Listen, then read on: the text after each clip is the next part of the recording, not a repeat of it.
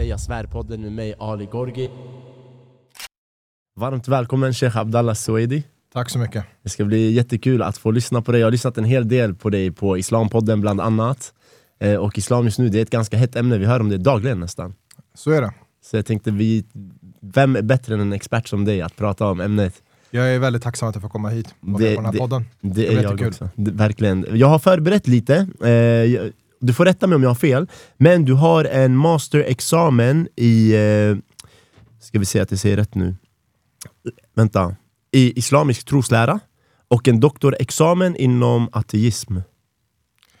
Jag har eh, flera olika examen.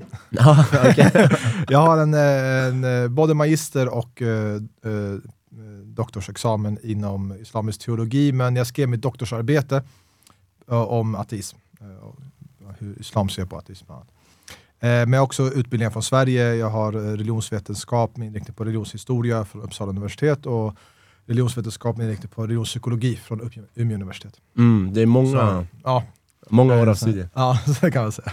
Ja.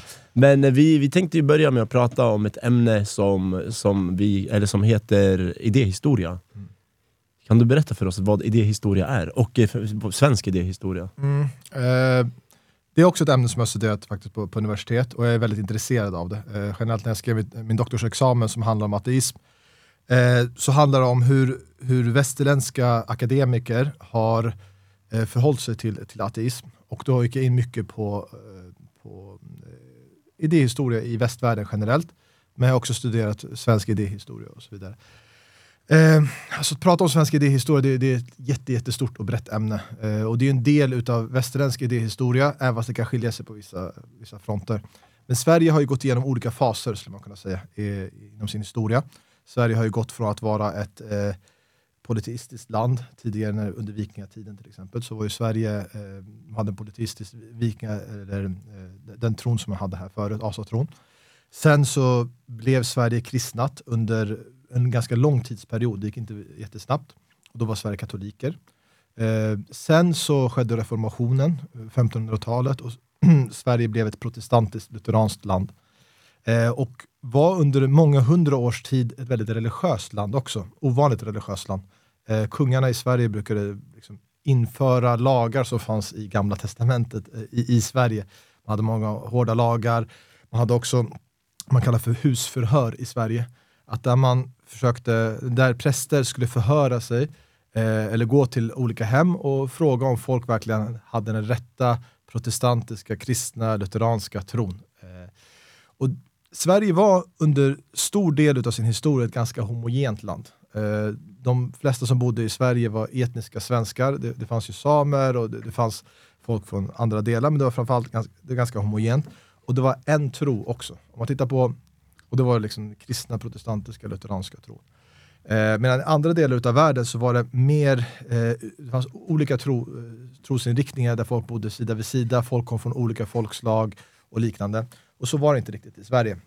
Sverige var också, under många hundra års tid så var man, låg man i konflikt med andra kristna inriktningar. Så till exempel man låg i konflikt med Polen som var katolskt, man låg i konflikt med eh, Ryssland som var ortodoxt. Så att man såg också med stark misstänksamhet på folk som kom utifrån, om de hade andra, andra eh, trosläror, för att man kunde se på dem som att de här kunde vara som femte kolonnare eller de var kanske deras, eh, de var närmare allierade till, till Ryssland eller till Polen eller liknande. Så fram till 1700-talet så var det förbjudet att komma till Sverige om man inte var eh, liksom, kristen, protestant, lutheran. Eh, och katoliker de var, tv- var tvungna att tvångsdöpas här. Judar fick inte komma. Eh, katoliker som avrättades i Sverige till och med. Eh, muslimer fick inte heller komma in i Sverige. Det skedde en eh, grej när eh, Karl XII förlorade i slaget vid Poltava. Så var han tvungen att fly till Osmanska riket och han bodde där under sex års tid i Osmanska riket. Och han lånade massa pengar under tiden han var där. Eh, Så när han var från framförallt judar och muslimer. Så när han skulle komma tillbaka så var han tvungen att tillåta judar och muslimer att sätta, sig, sätta sina fötter på, på svensk mark. Men det här säger ganska mycket om hur det har varit i Sverige genom tiderna. Eh, andra länder så var det mycket mer mångreligiöst. Man kan titta till exempel, tar eh, Bagdad, du, du berättade förut du, du Ja, ja, ja. Bagdad eh, för på vikinga, motsvarande vikingatiden så nämner en judisk resande som kom dit att det bodde 40 000 judar i Bagdad på den tiden. Mm. Idag i Sverige så bor det ungefär 20 000 judar. Mm. Så det var mycket mer mångreligiöst i de här, eh, i de här länderna. Eh, vilket också kan göra att liksom, man har lite mer förståelse för att andra tro, trosinriktningar och så vidare. Men mm. Sverige har under lång tid varit på det här sättet. Sen började man stegvis införa religionsfrihet när det började komma in judar till Sverige och sen eh, också katoliker började bli mer och mer tolererade och så vidare. Men eh, Sverige började sen gå igenom 1800-talet, framförallt på 1900-talet, en, en, sekulariseringsprocess. Så man gick från liksom, eh, asatron, vidare katolicismen, starkt religiöst protestantism till att det började bli mer och mer sekulariserat i Sverige. Till att man att Sverige har blivit ett av världens mest sekulariserade länder. Så Sverige har gått igenom ganska många olika faser. Mm. Ska man säga, inom eh, Men du nämnde någon gång i det här eh, att eh, Sverige var misstänksamma mot Polen till exempel på grund av att de kanske hade en annan eh, kristen värdering, eller vad man ska säga, katoliker var de. Eh, då skulle nog många svenskar säga så ah, men vi har gått ifrån det där, men det där finns kvar i Mellanöstern. Om man tar typ så här, Iran och Saudiarabien, de har två olika syner på islam till exempel. Och därför skulle man då säga, men vi är mer utvecklade. Att man har lämnat det bakom sig. Eh, till viss del, att, att det kan vara så. Eh, eh inom, att man har öppnat upp sig inom vissa eh, liksom, delar. Men jag tror att man måste förstå det när man kan se eh, varför det är så utspritt i Sverige till exempel med misstänksamhet mot muslimer. Mm. Eh, I ställen där det har varit mer mångreligiöst under en längre tid så har det kunnat vara det har varit en naturlig del av landet att det har funnits till exempel muslimsk tro eller judisk tro eller liknande, men Sverige har inte riktigt varit på det sättet. Mm. Så det var under en tidsperiod, alltså Sverige hade eh, Socialdemokraterna som styrde mycket under 1900-talet i Sverige, de hade fram till 1975 en assimilationspolitik. Att om du kommer till Sverige då ska du assimilera dig till värderingar. Först efter 1975 som man började eh, tillåta mångkulturalismen. Och det, om man tittar egentligen på hur sent det här var, alltså 1975, och sen att det nu börjar svänga åt andra hållet så handlar det egentligen om en tidsperiod av några decennier där det var just det här väldigt öppna, liksom, tillåt alla ska få ha sina egna föreningar och moskéer, synagogor och så vidare. Och innan det var det inte lika öppet. Uh, man fick vara muslim, man fick vara jude, men man skulle assimilera sig. Sen kom den här multikulturella politiken från Olof Palmes tid och framåt, mm. där man verkligen kunde öppna upp. Och nu så ser man att man börjar liksom svänga om och att man vill gå tillbaka till viss del i alla fall till den här assimilationspolitiken. Jag tror att man måste förstå Sveriges idéhistoria, hur det har varit, att det var homogent, det var en tro, det var liksom husförhör under, en ta, mm. under ett tag. Och man har också det här med ganska trånga åsiktskorridorer många gånger. Att idag kan man bli cancellad för vissa saker, man kan vara öppen med vissa ämnen inom vissa saker, men andra saker så kan åsiktskorridoren vara ganska, ganska trång. Faktiskt. Det är bara sådana som Sverigedemokraterna har fått känna av det. Liksom. Och de, de eh, har blivit exade och cancellade många gånger på grund av att deras ideologi gick utanför mm. den, den åsiktskorridoren som finns. För att inte tala om folk som är ännu längre utanför mm. den åsiktskorridoren. Alltså. Just det, men när man tänker Mellanösterns historia, har det någonsin funnits en tid där det har varit så homogent som det har varit här uppe i Norden? Eller i Sverige specifikt? Alltså det beror på från plats till plats. Eh, arabiska halvön var väl förhållandevis ganska homogen när det kom till att de flesta var araber till exempel där.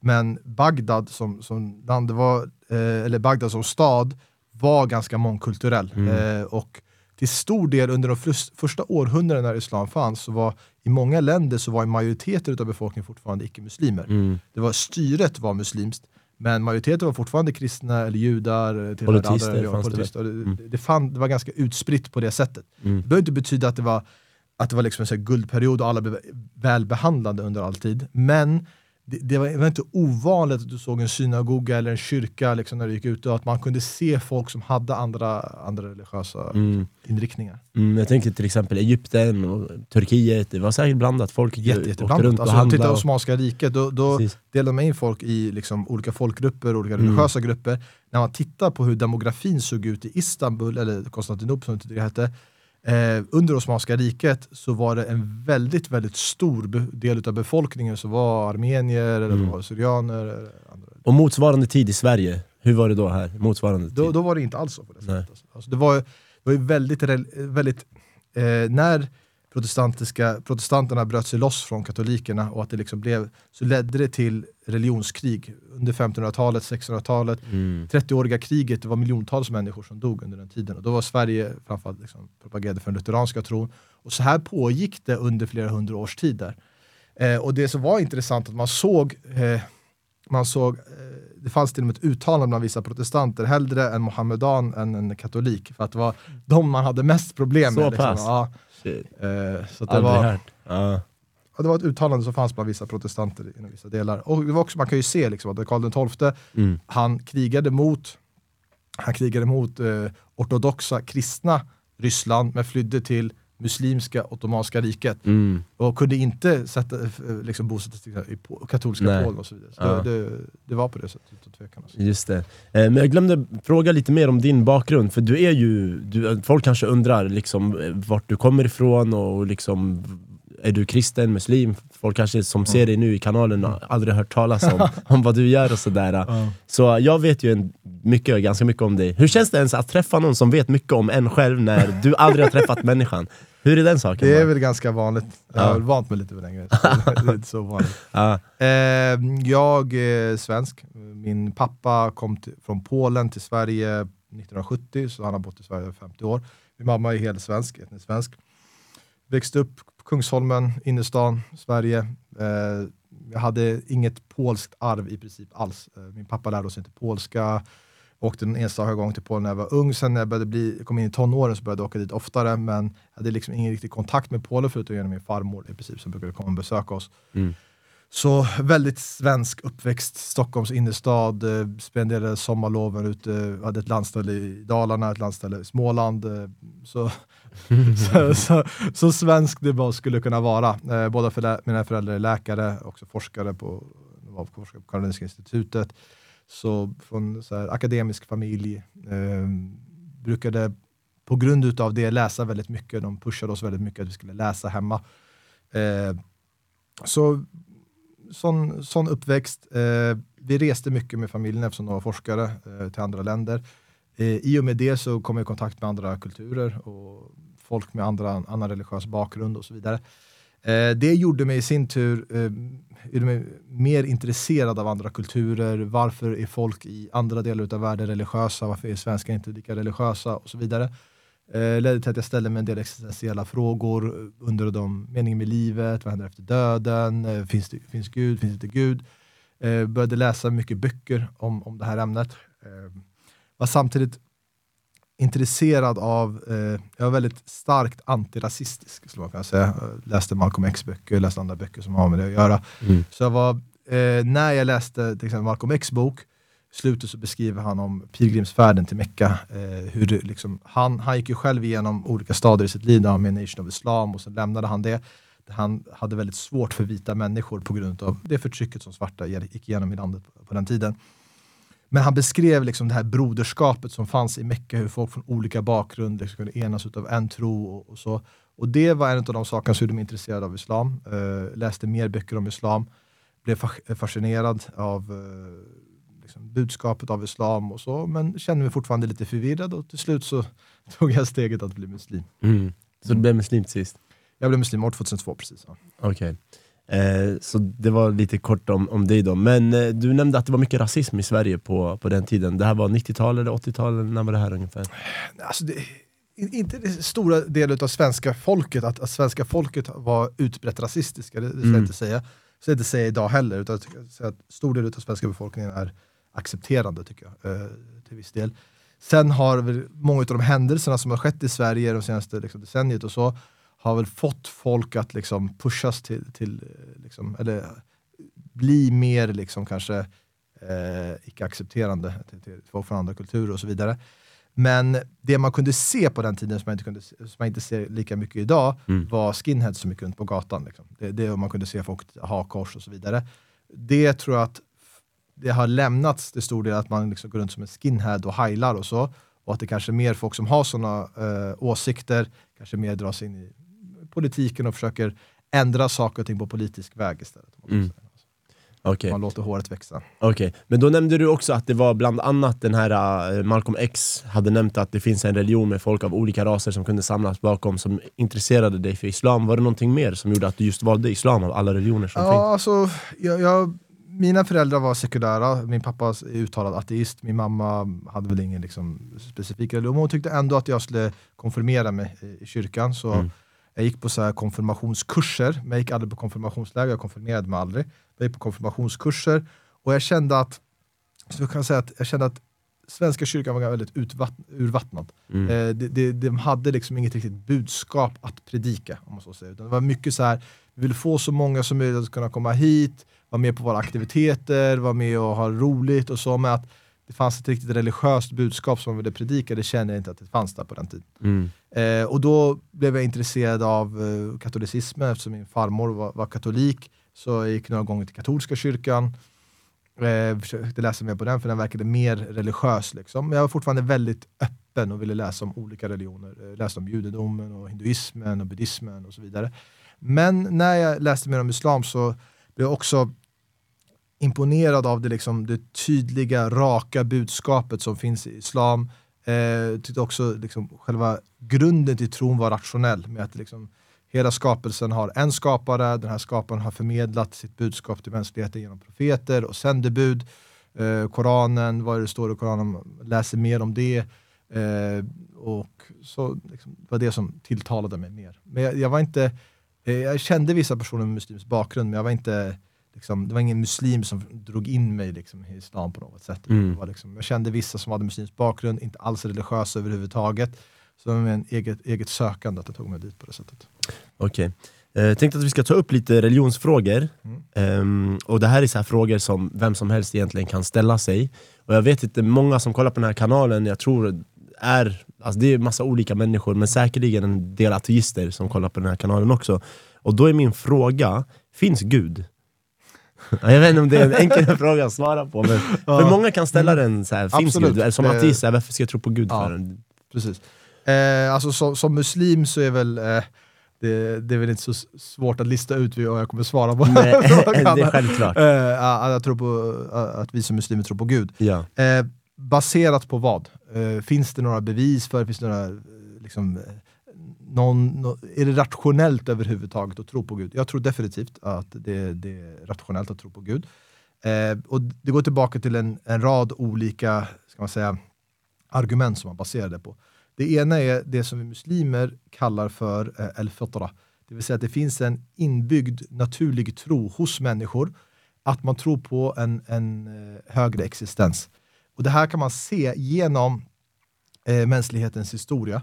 Att människor i princip alltid världen över har trott på någonting transcendent, någonting som är en högre makt, någonting som måste ha legat bakom hela skapelsen och så vidare. Det, det är ingenting som bara människor i Sverige förut brukade tro på, eller bara i Mellanöstern eller någonting sånt. Var man än ser världen över så finns tron på det transcendenta och på det övernaturliga. Eh, det här har också vetenskapligt bevisats. Man har gjort akademiska studier om det här, om en grundläggande, eh, om det finns en grundläggande naturlig tro hos barn. Eh, det finns bland annat en forskare som heter Justin Barrett som är professor i psykologi som gjorde ett väldigt stort eh, psykologiskt experiment tillsammans med andra forskare från Oxford universitet och andra universitet där man studerade just det här, finns det en naturlig tro hos människor eller inte? Och liksom, eh, slutresultatet av studien är, eh, som de skrev eh, när de kom ut med en nyhetsartikel om det, att belief in God is part of human nature. Alltså tron på Gud är en del utav människans natur. Eh, så att många människor behöver inte något sorts bevis, du ska bevisa för mig att Gud finns. De känner att det här är någonting som jag, jag vet redan att Gud finns, du behöver inte övertyga mig om den här grejen. Mm. Men när till exempel sekularism sprids och när människor eh, tvivel om Guds existens sprids så kan folk komma bort från den här tron. Eh, därför i islam så säger man att otro kallas för kufur. Vilket betyder att man gör tartia, man täcker över sin naturliga tro som egentligen finns inuti människan. Eh, men utöver det här så finns det saker och ting som tyder på att det måste finnas en skapare. Man behöver inte prata om så här, är det just Gud med de här namnen och attributen, men att det måste finnas en skapare till skapelsen. Bland de sakerna är att om någonting har börjat existera, tidigare inte fanns och sen började det existera, så tyder det på att det är någon som har fått den här saken att börja existera. Mm. Man tar till exempel det här glaset, om man skulle säga att det här glaset fanns inte här och sen fanns det, Mm. så måste det vara någon som har orsakat att det har börjat existera. Samma sak med den här mikrofonen, samma sak med bordet, samma sak med tvn. Allting som har börjat existera, som inte tidigare fanns och sen började finnas, Mm. måste ha, fått, ha någonting som har fått det att börja existera. Och det här är någonting som alla människor är överens Jag om. tänker på det här man brukar säga, the chicken or the egg. Ja. Liksom, vad var först? Men det måste någonstans, alltså var det kycklingen som kom först och la ett ägg, eller var det ägget som kom? Ja, Det är alltså samma princip här, alltså, någonting måste ha funnits. Någonting måste ha funnits och Ja. någonting måste ha få att börja existera. Det här är någonting som vi, just när vi pratar om det här med fötter och den här naturliga tron, det här är någonting som vi inte behöver få egentligen bevisat för oss. Mm. Så om, om du skulle komma ut i skogen tillsammans med en vän och ni hittar en koja där ute och din vän säger att den här kom till utav sig själv, det var liksom en naturlig process att den här kojan finns här, då hade du sagt nej det stämmer inte. Du hade sagt det naturligt, så, okej, men vad är ditt bevis? Kan du visa mig vem som har fått den här att börja existera? Om inte du kan göra det så tror jag inte på det. Du skulle bara säga nej, det är så, jag vet det. Att någonting som har börjat existera måste ha en, någon som har fått det, någon som har orsakat det. Mm. Eh, Det här är det som kallas för skapelseargumentet. Och eftersom hela universum har börjat existera, vilket är vetenskapligt bevisat, eh, solen, jorden, människan, allting har börjat existera, så baserat på det så är det rent förnuftigt, eh, av rent sunt förnuft, så att det, finns en skapare som har skapat allting. Eh, pratar även om designargumentet, att om någonting är eh, strukturerat och designat eh, så kan man urskilja det från någonting som, är, ka, eh, som har kommit till utav en slump. Så till exempel om du går ute på en strand och du hittar att det finns eh, enstaka kvistar som lig, ligger längs stranden eh, så kommer du inte, behöver du inte säga att det måste ha varit någon som har placerat, eh, någon som har avsiktligt placerat de här kvistarna här på platsen. Utan det kan ha varit så att vågor har liksom kommit upp eller vinden har kommit med de här kvistarna eller löven eller liknande. Men om du hittar ett sandslott där, det, är liksom, det finns en design på själva sandslottet, då kan du inte säga att det har kommit till av en slump eller har kommit till av naturliga krafter. Utan du kan se att det finns kunskap bakom det som har gjorts och det finns en visdom och det finns en kraft bakom det här som har skett. Det här är det man kallar för designargumentet. Och det här är något vi kan finna överallt i skapelsen. Att det finns en design bakom. Och design bakom kräver att det finns en designer. Mm. Eh, och det är det man kallar för designargumentet. Man skulle kunna gå in på detaljerna av det här argumentet och motargument och så vidare, men det Mm. kan man lyssna kanske på Islampodden eller någonting Ja annat. precis, Alltså, det finns ju de, där ni går djupare in i det. Men, men sen utöver det, man kan också säga det här med, med religiösa erfarenheter utöver det. Att människor eh, ber till Gud och får sin bön besvarad. Mm. Eh, och det här är inte bara någonting som så här, någon enstaka muslim eller någon profet för tusen år sedan var med om. Utan det här är någonting som människor världen över, genom olika tider, från olika religiösa liksom, bakgrunder, eh, vittnar om. Att de har ber till Gud, de har varit med om någon övernaturlig händelse i samband med att de har bett till Gud och de har fått sin bön besvarad. Det många brukar invända med här är att de säger okej, men vissa människor får inte sin bön be- besvarad, Mm. vilket då betyder på att Gud inte finns. Men det, det är inte samma orsakssamband som man kan se här. För att eh, du, kan, du kan be någon om någonting och du kan få den saken, då tyder det på att den personen eller den existerar. Men om du inte får den saken behöver det inte betyda att den inte existerar. Mm. Så till exempel om, om du ber mig om att du vill få den, den här, det här glaset från mig och jag ger det, då tyder det på att jag har gett det, Mm. jag finns, jag har gjort den här saken för dig. Men om jag inte ger den till dig, det kan vara av olika anledningar. Jag tycker att du inte borde få dricka den här kolan eller någonting liknande. Mm. Så att det, eh, eh, att det finns så många exempel på att folk har fått sin bön, eh, bön besvarad, olika religiösa erfarenheter de har varit med av, tyder på att det finns en högre makt. Nu pratar vi inte om att specifik Gud som du pratar om, utan det Mm. finns en högre makt som besvarar ens, äh, ens bön. Mm. Och det här är några av de liksom, argument som man använder sig för. Liksom, man För att bevisa att det För att finns visa en, det- en, gud, skapare. ja, en skapare. Ja. Och jag har också hört eh, någon som har sagt så här: det finns inga ateister i skyttegraven. Exakt, det var ett uttalande. Man tillskriver till en amerikansk general under, under andra världskriget. Just det. att det eh, just det här med fötterna, att människor kan eh, säga i när de har eh, bra, ofta när de lever och har liksom mycket väl, materiellt välstånd och de känner att saker och ting går bra, så är det många människor som kommer bort från sin skapare och kommer bort från Gud. Men när det blir svårt i livet så vänder man sig till det transcendenta, man Mm. vänder sig till den högre makten och säger åh gud hjälp mig. Ja. Och då är det här som är liksom, ett exempel på att du hör kulorna vina ovanför huvudet, så åh, Av gud hjälp rädsla, mig, det är liksom. klart. Man är rädd. Är, Då, då vänder man sig till, till, till någonting allsmäktigt. makten, Ja, precis. Jag brukar fråga folk så här, när du är jätterädd, ber du inte till Gud? Typ, så här. Vissa säger nej, jag blir ganska chockad. Så här, hur? Ja, för jag förstår Mm. inte det själv. Alltså. Men jag tänkte ta nästa fråga här. Mm. Eh, och det är många nu i Sverige som du vet, man har en åsikt om islam och sådär, och så säger man så här, ah, de ber till sin gud Allah. Mm. Så jag tänkte fråga dig, vad är skillnaden mellan Gud och Allah? Mm. Ja, det, det, jag märker att det är många missförstånd gällande den här grejen. Allah, det är bestämd form av Gud, alltså man ska säga the God på engelska. Alltså bestämd form utav Gud. På arabiska säger man om Gud med litet g, ilah. Men Gud med, med stort G, det är så guden, alltså the God, det är Allah. Mm. Och det är inte bara eh, liksom, muslimer som säger det på arabiska, utan kristna, om du, tittar, om du läser en kristen översättning av Bibeln, då står det Allah eh, om Gud. Eh, judi, judar, när de pratar på arabiska, så är de Allah också. Eh, så det är, det är sättet man talar om the God. Eh, och det är inte någon så lokal, etnisk, tribal God, liksom, som, som, som vissa tror att det är, det är så arabernas, muslimernas privata egna gud. Liksom, som man har. Ja. Det är skaparen, skulle man kunna säga, liksom, i bestämd form. Så det är samma ord? Det, det är samma ord. Ja. Det är samma ord. om- om okej. Gud, ja. Så då vet ni att när ni hör de ber till Allah, det betyder att de ber till Gud. Det är, Ja. det, är det som är meningen bakom det. Eh, och här har jag en till fråga som är, kan du beskriva konceptet av Gud enligt Islam? Mm.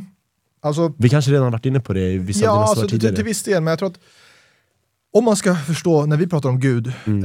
eh, så måste man typ rensa bort vissa saker från hur, hur, alltså när man ska förstå hur muslimer tror på Gud så måste man rensa bort lite utav hur Gud har framställts eh, i, eh, i politistiska religioner, alltså tidigare det som fanns i Sverige, asatron till exempel, liksom Tor med en stor hammare som står och bankar, eller Oden eller Just någonting sånt. Det är liksom en superhuman i princip. Liksom. Om Ja. du tittar på Tor, hur han framställdes, så är det bokstavligen en, en stor jätte liksom, på ett moln som, som, ja, eller liksom, Ja. som slår med sin hammare. Även inom kristendomen så har det här existerat. Man går in i Sixtinska kapellet som finns i, i Petruskyrkan i, i, i Vatikanen, det är där man liksom väljer ut en ny påve.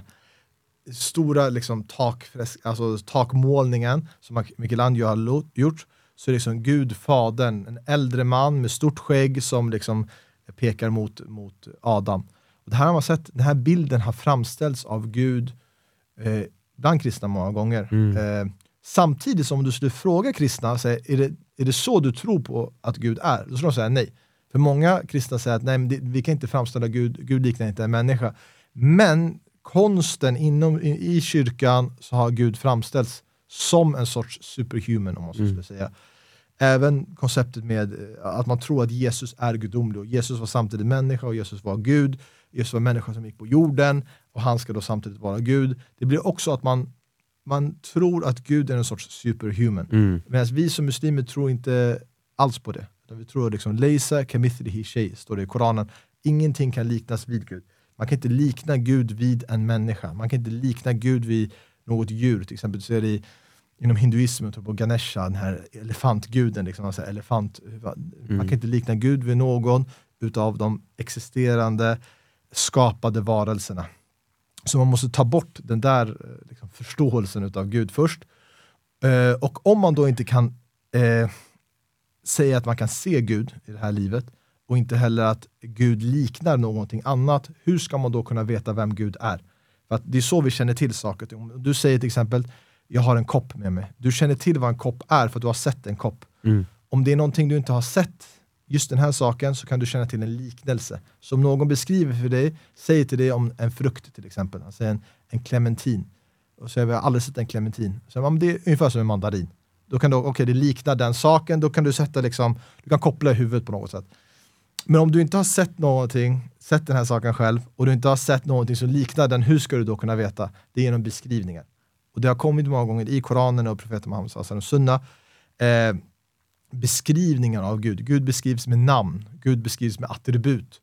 Eh, det som många känner till är Gud har 99 namn som, har- som har nämnts. Eh, I, alla, I 113 av 114 kapitel i Koranen står det eh, Bismillah ar-Rahman ar-Rahim. Alltså i Guds namn, den barmhärtige, den nåderike. Det är så Gud ofta beskrivs som. Han är barmhärtig, han är nåderik, han beskrivs som eh, den första som alltid har existerat, den sista som alltid kommer att existera. Den som har makt över, den allsmäktiga som har makt över allting, den som har kunskap om allting, den som hör allting, den som ser allting, den som eh, besvarar bönen till den som ber och, och så vidare. Så vi kan känna till Gud genom de här beskrivningarna och inte genom att vi har sett Gud eller att vi, så som vissa evangelistiska kristna säger, att de hör Guds röst i det här livet och Gud talar inom dem. Det här tror inte vi muslimer på. Utan vi, vi tror på att vi känner till Gud genom att man dels liksom tar bort de här, den här förståelsen som är antropomorfa liksom, beskrivningen utav Gud, när man målar upp Gud, till att man känner till Gud genom Guds namn och Guds attribut som har nämnts. Mm. Wow, det här har jag aldrig tänkt mig. Jag har ju hört min mamma nämna att det ja. finns 99 namn till ja. Gud. Jag undrar så här, varför har han 99 namn? Ja. Men nu förstår jag att det är namn som beskriver, beskriver någonting Gud, som precis. vi inte har ett koncept över eller kan fantisera om. Precis, wow, ja, intressant. Mm. Kul. Okej. Eh, och sen, det nämns inom islam ganska mycket om domedagen, någonting, alla religioner, kristendomen mm. säkert och judendomen också. Inte alla religioner, alltså, man tittar på... Abrahamiska? Ja precis, de, ja. de eh, kristendomen, judendomen och islam, mm. där finns en tro på eskatologi, den sista tiden. Att det kommer vara en sista tid, det kommer ske omvälvningar innan, innan eh, liksom, det sker domens dag och sen finns det ett paradis och finns det ett helvete. Medan i till exempel eh, hinduismen, buddhismen, sikhismen så tror man på reinkarnation. Det vill säga att när man dör så kommer själen att gå över till någon annan människa eller till någon, annat, eh, någon annan varelse. Levande Just det, beroende på karma. Om du har beroende på karma, precis. Ja. Så de öst, österländska som man kan säga, religionerna, de har sitt koncept eh, i hur de tror vad som kommer hända efter döden. Mm. Alla tror på något sorts efterliv. Mm. Alla, alla religioner tror på något sorts efterliv. Men inom det man kallar för de abrahamitiska religionerna så eh, är det ett koncept att tiden tar slut. Det är en linjär tid. Det tar slut och sen så kommer domedagen då folk kommer ställas till svars inför Gud. Medan i de andra religionerna så är det en cyklisk tid. Liksom, tiden bara fortsätter och fortsätter och fortsätter och man återföds och återföds och återföds och så vidare. Så det, det är skillnad till hur, hur, man ser på efterlivet och vad som kommer ske efter döden. Som sagt, bland judar, bland muslimer, bland kristna så tror man att vi lever i den här världen och den här världen i slutet av tiden så kommer det ske omvälvningar. Saker och ting kommer bli upp och ner. Saker och ting som har varit på ett sätt, det kommer bli tvärtom. Man ser det man talar om domedagens tecken. Så många av domedagens tecken som nämns i, i, inom islam, den gemensamma faktorn är att saker och ting blir upp och ner. Saker och ting som, det brukar inte vara på ett sätt, nu börjar det bli på det här sättet och så vidare. Eh, man, man, kan ta exempel på en, en av de här sakerna som nämns. Man pratar om den arabiska halvön. Den arabiska halvön, är i princip, om du tittar på kartan hur det är, så i princip hela den arabiska halvön är öken bara rakt igenom. Eh, the empty quarter som man kallar det, Rubul Khali, en yta som är lika stor som Sverige, som bara är öken, det finns ingen, ingenting annat där. Men det som har nämnts i hadither är att i slutet av tiden så kommer det bli, återigen kommer det bli grönt där, och det kommer att börja flyta floder därigenom på samma sätt som det gjorde det tidigare. Man har kunnat bekräfta att tidigare på den arabiska halvön så var det grönt. Mm, över Sahara? Ja, det, det liksom, öknen mm. sprider ut sig. Mm. Det var på det här sättet för många, många tusen år sedan. Men att det kommer återgå till det här tillståndet. Så det är så här, det har varit på ett sätt och nu vänder det på sig. Det har mm. också nämnts om att fattiga halvnakna beduiner kommer att tävla i vem som bygger högst byggnader. Det här är också någonting som kommer att ske. Det är också någonting som man kan liksom se i mm. Dubai, Saudi, mm. tävla om vem, vem ska kunna bygga högst byggnader. Men de var själva folk som levde ute som beduiner i öknen bara för några årtionden sedan. Och nu börjar liksom, det vänder om och det liksom börjar gå till ett helt nytt tillstånd. Så det är en gemensam faktor i vad som kommer att ske innan domedagen. Och sen så tror vi muslimer att eh, alla människor kommer att dö och sen återuppstå. Återuppstå så att man får liv på nytt och då kommer att ställas till svars inför Gud för de handlingar man har gjort. Och Det här är också någonting som man ser som en sorts eh, en logisk följd av tron på en allvetande, allvis, allsmäktig Gud. För att om man tror på att Gud är allvetande och allsmäktig och all vis, det finns en visdom bakom allting som Gud gör. Så om man ser samtidigt i den här världen hur mycket orättvisor det finns, hur människor som kan vara väldigt goda bara går igenom dålig behandling, hur människor som har varit väldigt onda, de kan liksom leva vidare som att, som att ingenting händer och så vidare. Om man tror samtidigt att man tror på Gud, som har makt över allting, som har en visdom bakom allting, så blir det naturligt att man tror att alla kommer ställas till svar. De som har gjort gott kommer få belöning för, de som har gjort dåligt kommer att straffas för det de har gjort. Liksom som sista domstolen skulle man kunna säga.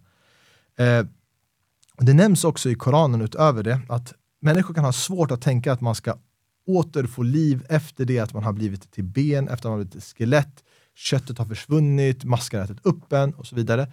Så det har nämnts exempel i Koranen flera gånger om hur vi kan se det här i naturen, särskilt under våren. Att det är helt dött och så kommer regn och det liksom återupplivar jorden. Och det här kan man ju se i Sverige till viss del, liksom, när det blir så här, det är helt dött och så blir det helt grönt. Och det kan man se väldigt tydligt ute i öknen, alltså, i, alltså där i arabiska halvan. Mm. Att det, det kan liksom vara totalt eh, gulbrunt liksom, överallt.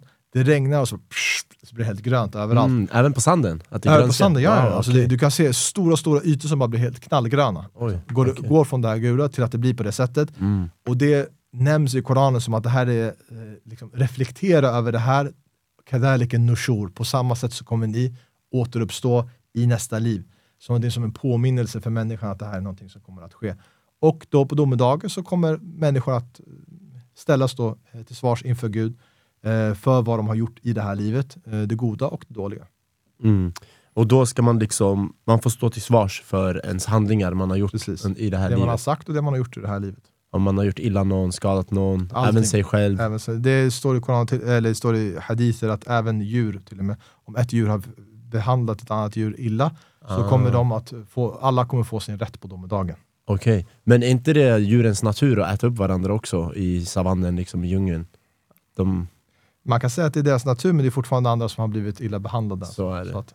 Okej.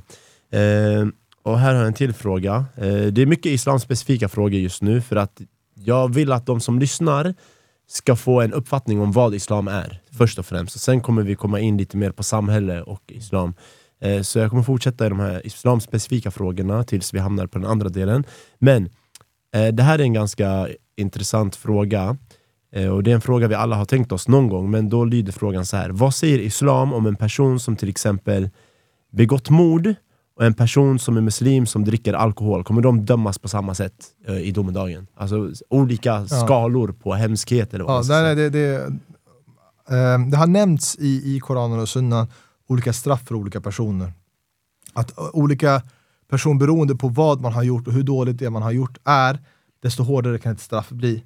Men i slutändan så är det upp till Gud att bestämma och inte upp till oss. Så vi kan inte veta det specifika vad som kommer att ske. En person mm. kan har gjort flera goda handlingar och vissa dåliga handlingar så kommer det ena väga upp över liksom bättre än det andra. Om man så säger. Så det, det, vi kan inte ana någonting? Vi, vi, vi kan kanske se och tänka att oj, den här personen verkar ha gjort väldigt mycket då, många dåliga det. saker, men det är inte upp till oss utan det är upp till Gud att bestämma. Just det. Okej, okay, då är vi lite tillbaka i den här um, ateistfrågan, eller folk som inte tror, och då lyder frågan så här. Vad skulle du säga till en människa som säger, jag tror inte på Gud, men jag tror på någonting, jag vet inte vad? Det finns ett ganska intressant namn för det, det kallas för ietism. Ietism, okay. vilket betyder att jag tror på någonting. Eh, eh, det här är ganska vanligt i Sverige eh, och jag tror att det bottnar i två stycken saker. Det ena är den naturliga tron på det transcendenta, på den högre makten, som jag pratar om att människor har inuti sig. Fittra kallar du det. precis. Yeah. Eh, det är det ena som drar dem till att tro på det, och det andra är flykten från konceptet av Gud som har presenterats genom politistiska eller religioner eller genom eh, kristendomen. Att så här, jag tror på någonting, men jag tror inte på det där. Eller att man har tagit avstånd från eh, saker som har gjorts i religioners namn. Eh, jag har pratat med vissa personer och de tar avstånd från Gud baserat på vad vissa religiösa människor som tror på Gud gör. Och jag tycker, för mig det, det går inte riktigt ihop. Bara för att någon som tror på Gud gör någonting dåligt så behöver det inte betyda att Gud inte existerar. Eh, alltså, någon, jag pratade med en person en gång och sa att eh, jag var i, och besökte Palestina, Israel och jag såg att människor bråkar så mycket om Gud så jag tror inte på Gud. Det har egentligen vad människor, hur människor felaktigt gör eh, för handlingar trots att de har en tro Mm. har ju ingenting med att Gud existerar eller Gud inte existerar att göra. Utan det där är en sak och sen att folk missbrukar Guds namn för andra saker, det, det är en annan grej. Alltså. Mm, folk har gjort hem, hemska saker i politikens namn också. I politikens namn, i all, allt som går att göra hemska saker. I alla namn som finns. alla, alla olika namn som finns. Det är inte så att man slutar liksom, alltså ska man så här, eh, tyskar slutar tro på Tyskland för att man gjorde hemska saker i Tysklands Nej, det- namn. Ja, det exakt. blir så här, Man fortsätter ju tro. ja. Exakt. Okej, intressant. Ska kolla nästa fråga här. Eh, den här också då, eh, det handlar om att be till Gud. Eh, vad skulle du säga till en människa som, till- som till exempel har en sjuk mamma, ber för henne dag ut dag in och sen går mamman dessvärre bort och då blir det så här, men Gud Mm. finns inte. Du var lite inne på det Mm. här i början egentligen. Mm. Alltså, vi, vi som muslimer tror inte att vi bara lever i det här livet. Så att det, det som tyder på att Gud tycker om en eller inte tycker om en är att man får leva länge i det här livet. Mm. Det kan vara en person som lever väldigt kort i det här livet och Gud tycker mer om den än den som lever väldigt länge i det här livet. Så det är inte en sorts måttstock för att veta om, om Gud existerar eller inte existerar, om Gud tycker om en person eller inte tycker om en person. Utan vi tror att det, det, det eviga livet är det kommande livet och det här livet är en form av test. Vi testas i det här livet om vi har goda handlingar, vi har dåliga handlingar. Och man kan testas på olika sätt. Man kan testas med att få välfärd och man kan testas med svårigheter i livet. Man kan testas med det som är bra, man kan testas med det som är svårt. Och många personer tänker att jag skulle hellre testas med det som är bra, jag skulle hellre testas med att jag får värsta feta bilarna och att jag har jättemycket pengar och värsta lyxiga lägenheten än att testas med att jag lever fattigt och, och är sjuk och så vidare. Men för muslimer så är det liksom, resultatet är att du ska vara eh, så nära Gud som möjligt och älska Gud så mycket som möjligt och komma Gud så nära som möjligt. Och det finns en tendens hos människor att när man har det så bra som möjligt att man kommer bort från Gud. Och när man har det svårt så kommer man närmare Gud. När människor har, eh, har det bra eh, så, så börjar man liksom känna att jag har klarat det här själv. Det är, jag har arbetat så hårt själv, jag har tjänat in de här pengarna själv och jag kan klara mig själv och så vidare. Eh, det står i Koranen, Kalla innal insana la yatgha staghna. Att nej, människan eh, går, eh, går över sina gränser, går över gränserna för att man ser att man kan klara sig själv. När man börjar känna så här, jag klarar av allting själv, jag har det så bra ställt och så vidare, då kommer man många gånger bort från Gud. Men vi som muslimer tror att man blir testad på olika sätt. Man kan testa med välfärd och testa med svårigheter. Men i slutändan handlar det om hur din relation till Gud kommer att vara, hur du beter dig som människa, hur du är som människa. Det är det som är slutresultatet, det är det som är det viktiga. Mm. Just det. Och det här är också en sån här sak som jag brukar höra väldigt ofta när jag frågar om folk tror på Gud eller inte. Då säger de så här: om Gud finns, varför finns det ondska och extrema orättvisor i världen? Någon föds till kung och annan oroar sig över mat för dagen. Mm. Hur kan Gud finnas om det Mm. finns extrema orättvisor? Det är det man talar om, dels ondskans problem eller teodicéproblemet. Eh, ondskans problem det är, det är ett gemensamt problem för alla människor i världen. Man tänker varför finns det ondska och hur ska vi hur ska vi kunna förklara att det existerar ondska? Hur ska vi handskas med ondskan? Det här är det man kallar för ondskans problem. Teodicéproblemet, eh, teo betyder Gud, dis, eh, eh, betyder Guds rättvisa. Alltså, eh, hur ska vi kunna tro att Gud är rättvis? Då pratar man framförallt om den abrahamitiska liksom, tron på Gud. Gud är allsmäktig, Gud är allsvetande och Gud eh, är allgod, eller allbarmhärtig och samtidigt låter allt detta lidande eh, liksom ske. Eh, det här är en av de vanligaste invändningarna mot Gud, eh, mot eh, Guds existens. Det finns dels, eh, de, när man invänder mot, mot Guds existens så brukar man antingen tala om eh, att man liksom inte tror på, tycker att argumenten för Guds existens är tillräckligt övertygande. Det är som man ska säga negativ ateism. Att man säger bara, nej men jag, jag tror inte på grund av att jag inte blivit övertygad. Det andra är att man pratar om en sorts positiv eller starka, äh, starkare ateism, att man säger nej. Genom att jag har lagt fram det här argumentet, ondskans problem, teodicéproblemet, så tyder det på att Gud inte kan existera, det funkar inte. Och det här har i sin tur presenterats av äh, ateistiska filosofer på två stycken liksom, två huvudfår hur man presenterar det. Det ena är det logiska problemet, logical problem of evil som man kallar det för. Det är som man säger att det är omöjligt att få ihop de här två satserna. Du kan inte säga att, du, att det finns ondska på jorden, det finns lidande, samtidigt som Gud är allsmäktig, all, eh, allgod och, och eh, allvetande. Det går inte att få ihop dem.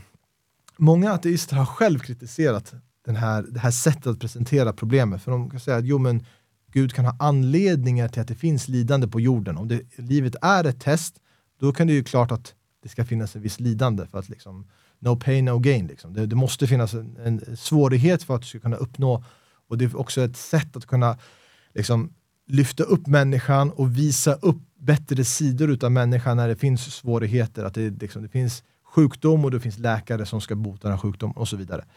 Eh, så det där problemet som har lagts fram på det sättet har i princip lämnats av ateistiska filosofer. Mm. Man pratar om det som evidential problem of evil. Och det är att man talar om att det finns för mycket lidande. Eller att man tar exempel på vissa former av lidande som man säger att det här formen av lidande kan inte ha en visdom av Gud. Um, man, tar man då sådana exempel, liksom, uh, ett barn som skadas där, eller någon som i, i det här landet, det här kriget som sker, andra världskriget eller liknande. Jag, jag ser ingen visdom med det och därför existerar inte Gud. Eller man föds sjuk med handikapp eller något sånt. Eh, exakt, man tar upp olika exempel mm. och så säger man, kolla här, nu har jag kommit med ett exempel. Eh, vad är syftet? Liksom? Vad, vad är syftet med mm. det? Eh, det här argumentet är, det, det första är mer liksom filosofiskt, det andra är mer känslosamt. Och vi människor är känslosamma varelser. Så när man hör om sådana här exempel så kan man känna så här, det är sant, uff, vad händer det här? Ja. Det, här det, det, tar på mig mer än att någon ska liksom sitta ett plus ett, där jag får inte ihop de här två stycken satserna. Det är lite så torrt om man så säger. Det här kan vara liksom, wow.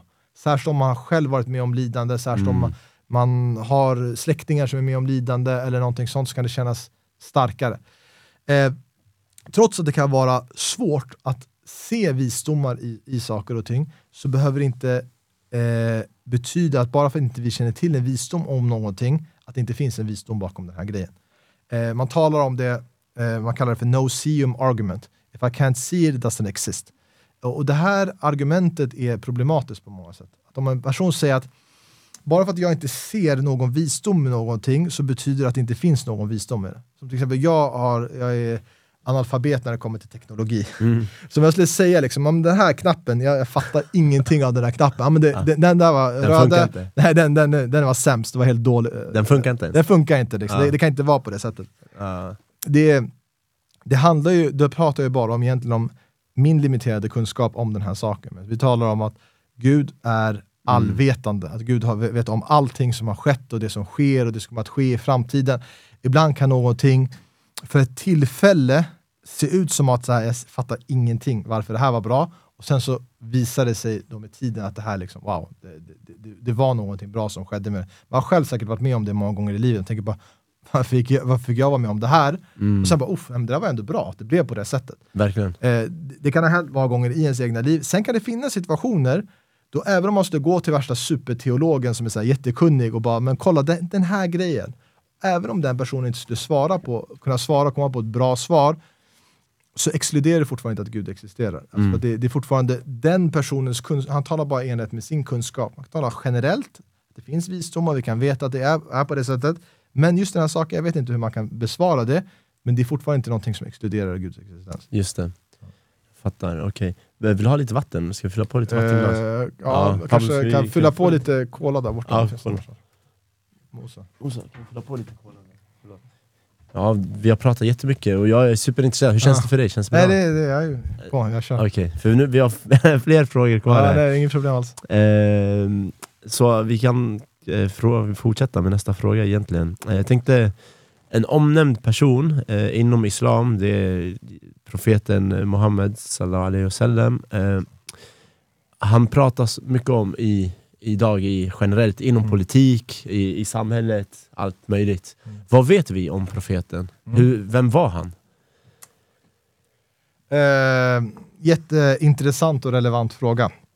Eh, alltså, när det kommer till eh, att han var en historisk person som existerade, det är i princip alla eh, forskare och historiker överens om, vare sig de är muslimer eller icke-muslimer eh, det har kommit vissa som har liksom, ne- förnekat att, eh, profeten, eh, att Jesus existerade till exempel.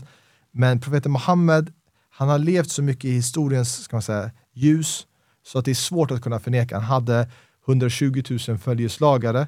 Eh, från det att han dog till att liksom bara några årtionden efter så spreds islam väldigt, väldigt snabbt över stora delar av världen där det fanns historiker som skrev ner om vad som skedde under den här tidsperioden och att det var en religion där vars profet hette Muhammed som spreds vidare. Så att, att förneka att han existerade, det finns typ ingen, knappt någon seriös forskare som skulle säga idag. Mm.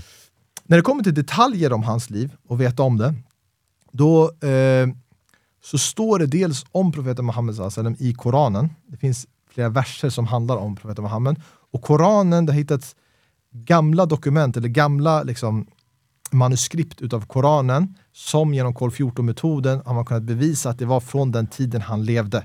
Så det är som ett historiskt dokument som också kan användas för att ta, berätta vissa saker om profeten Muhammed sallams liv. Eh, sen den andra källan är det som kallas för hadither.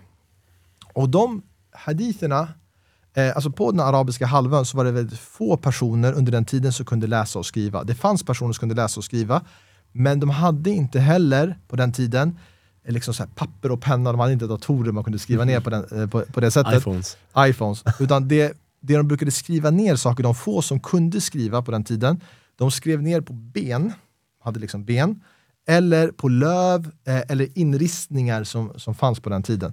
Så det, var, det fanns inte liksom, papyrus på den tiden på samma sätt som grekerna hade det, romarna hade det.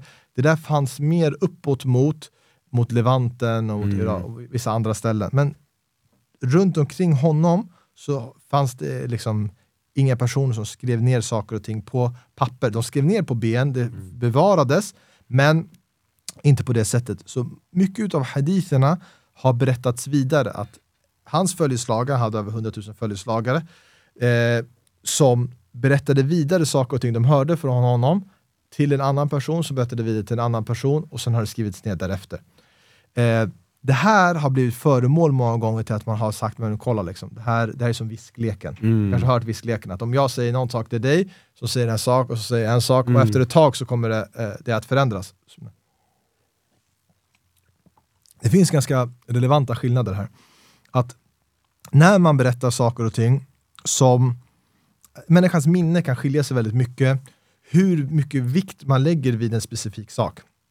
Om du, du kanske har lagt dina om man har glasögon eller nycklar eller någonting bara för 10 minuter sedan och så har man helt och hållet glömt bort det. Sen kan man ha varit med om någonting för 20 år sedan och man kommer ihåg det som om det var igår. Mm. Beroende på hur viktig den här saken har varit i ens liv hur mycket, hur mycket man lägger vikt vid den här saken. Man kan komma ihåg vissa saker som har sagts till en. Så folk som är 70 kommer ihåg det när de var, från att de var 20, ordagrant. Mm. Beroende på hur mycket man lägger vikt vid den här saken, hur viktigt det är för dem. Just när det kommer till religion, så, och särskilt islam, så var profeten Muhammed eh, väldigt, väldigt viktig för dem. Och han har också lagt mycket vikt vid att man aldrig får ljuga om honom, får aldrig säga någonting som inte stämmer om honom. Så om du kommer ihåg så tänk verkligen på vad du har sagt. Mm. Man kan se att hans nära följeslagare, trots att de var med honom under 23 års tid, eller uh, han var liksom profet under 23 års tid, men uh, kanske 10 års tid eller 15 års tid, så berättar de vidare bara ett fåtal hadither från honom. Vissa bara ett tiotal, vissa 20, vissa 30 och så vidare. Trots att de hörde mycket, mycket mer. Så de var noga med att bara berätta vidare det de verkligen kom ihåg att han sa. Och många av haditerna är korta meningar som man kan memorera väldigt enkelt. Eh, så att än tills idag så ser man muslimer som memorerar tusentals haditer. Om du skulle fråga dem typ så här, exakt, du ändrar i något ord någonstans skulle han kunna säga till honom, nej men så här mm. är det inte. Att memorera hela Koranen, det är standard i många muslimska länder. Det finns miljontals muslimer som memorerat hela Koranen från början till slut. Det är ingenting ovanligt att man gör det. Ordagrant. Ordagrant. Alltså du skulle kunna, om du går till vilken moské i princip som helst, och imamen leder bönen och läser Koranen högt, mm. och så läser han bara ett, ett lite så här, ändrar ett A till ett O eller någonting sånt, så kommer han ha ett antal personer bakom som kommer rätta honom och säga att du har gjort någonting fel. Jaha, det är fascinerande. Ja, för att det, det, man memorerar så pass ordagrant. Och även med hadithet, det är liksom en standard hos många många religiösa familjer, att man har memorerat ett x antal hadither och så vidare. Det har funnits en tradition hos muslimer. Så, och hadither har också berättats från liksom, olika källor. Alltså islam spreds från den arabiska halvön ner mot Jemen, mot Egypten, mot upp till Spanien, eh, mot Indien och så. Och man kan se att hadithböcker sedan skrevs ner, eh, där borta i Persien skrevs det ner, borta i Spanien spreds det ner, och de har skrivit ner exakt samma ordalag, samma hadither och så. Mm. Och man ser att det är så stor liksom, avstånd mellan dem, men att de går ihop med liksom, samma, samma texter. Så på det sättet så går det att kolla upp. Man kan också jämföra, okej, okay, nu står den här hadithen så, som liksom är rapporterad borta i Egypten, och en annan borta i Tunisien till exempel. Nu ser vi att det är skillnader mellan dem. Okej, då kan vi börja tve, tveka lite. Mm. Och vi som muslimer tror inte att allting som har rapporterats vidare från honom stämmer. Så att majoriteten har, stämmer inte, utan det kan vara att vi, det är väldigt hårda regler för att kunna säga vad som kan accepteras. Det måste verkligen vara liksom fullt säkert och det är ännu bättre om det är från flera olika källor samtidigt. Liksom. Det är flera som har berättat vidare exakt samma hadith och så vidare. Mm. Eh, så på det sättet så, så kan man verkligen veta ganska mycket om profeten Muhammed i vissa då hadithböcker, eh, eller det man kallar för siraböcker som är om hans biografi, som berättar om honom från början till slut. Mm. Och hur levde han? Vem var han? Liksom? Var, hur fick han budskapet? och Sådana här saker. Mm. Eh, han, eh, man vet vilken tidsperiod han levde under. Mm. Han föddes år 570 ungefär. Och han blev 62-63 år gammal ungefär. Så man vet att den tidsperioden, han dog där 630-talet ungefär. Så under den tidsperioden le eh, levde han. Han föddes i staden Mecka. Så var eh, en stad som ligger i den arabiska halvön, men var en viktig religiös stad redan på den tiden. Det var blandade religioner där? Det var blandade religioner där. De allra flesta var polyteister. Eh, men eh, det, fanns de, det fanns vissa kristna som bodde där, det fanns vissa som hade andra religiösa inriktningar. Eh, det som är ganska intressant, om man läser historien om, i Bibeln om Abraham. Abraham, det står att de hade, hade två söner, hade Isak och hade Ismael. Och om man läser Bibeln så läser man historien som kommer till Abraham, och man läser om Ismael och att Ismael då liksom flyttar till den platsen där araberna bodde. Eh, men sen fortsätter hela historien från Isak och Jakob och därefter med, med Josef och, och sen kommer liksom, eh, Moses och de andra profeterna, de kallas för Israeliterna. Mm. Så man går liksom in på, det, på den här stigen, men man stannar upp historien med vad som hände med Ismael. Folket i Mekka på den tiden, de upphöjde både Abraham och Ismael. Mm. De ansåg dem vara viktiga personer för dem, även fast de var polyteister. Och de hade till och med bilder på dem alltså ritade bilder på dem vid Kaaba som ligger i, i Mecka. Eh, och vi som muslimer tror att det här, eh, Abraham och Ismael, de var riktiga monoteister som prakti praktiserade det vi kallar är islam. Islam är inte bara det som profeten Muhammed sa, han kommer utan underkastelse till Gud, att man underkastar bara tron på en Gud och att man följer det budskap som Gud har förmedlat genom sina profeter. Det här är islam. Så vi tror att Abraham var muslim och Ismael var muslim. Och att det här fortsatte, det fortsatte monoteism i Mecka under en eh, tidsperiod. Sen gick det över till att bli polyteistiskt genom att man till exempel började upphöja rättfärdiga människor och, och, och så vidare och började dyrka dem. Och sen kom då profeten Muhammed och tog dem tillbaka till den här ursprungliga tron. Mm. Tog dem tillbaka till, till det här budskapet. Och han levde eh, under 40 års tid tillsammans med befolkningen i staden där. Han jobbade som fåraherde, han var fåraherde, sen jobbade han även som handelsperson, åkte en del resor. Eh, och sen när han var 40 år gammal så började han allt mer dra sig undan sitt folk. För han, han var väldigt irriterad på den här politismen de hade, att de dyrkade statyer och, och vissa av de eh, etiska och moraliska liksom, sakerna de höll på med på den tiden. Så han började dra sig undan till en grotta som heter Hera som ligger i utkanten av Mecka. Och när han var i den här grottan så fick han första uppenbarelsen genom Gabriel, äh, ängeln Gabriel som också var den profeten som har nämnts att han har kommit till de andra profeterna.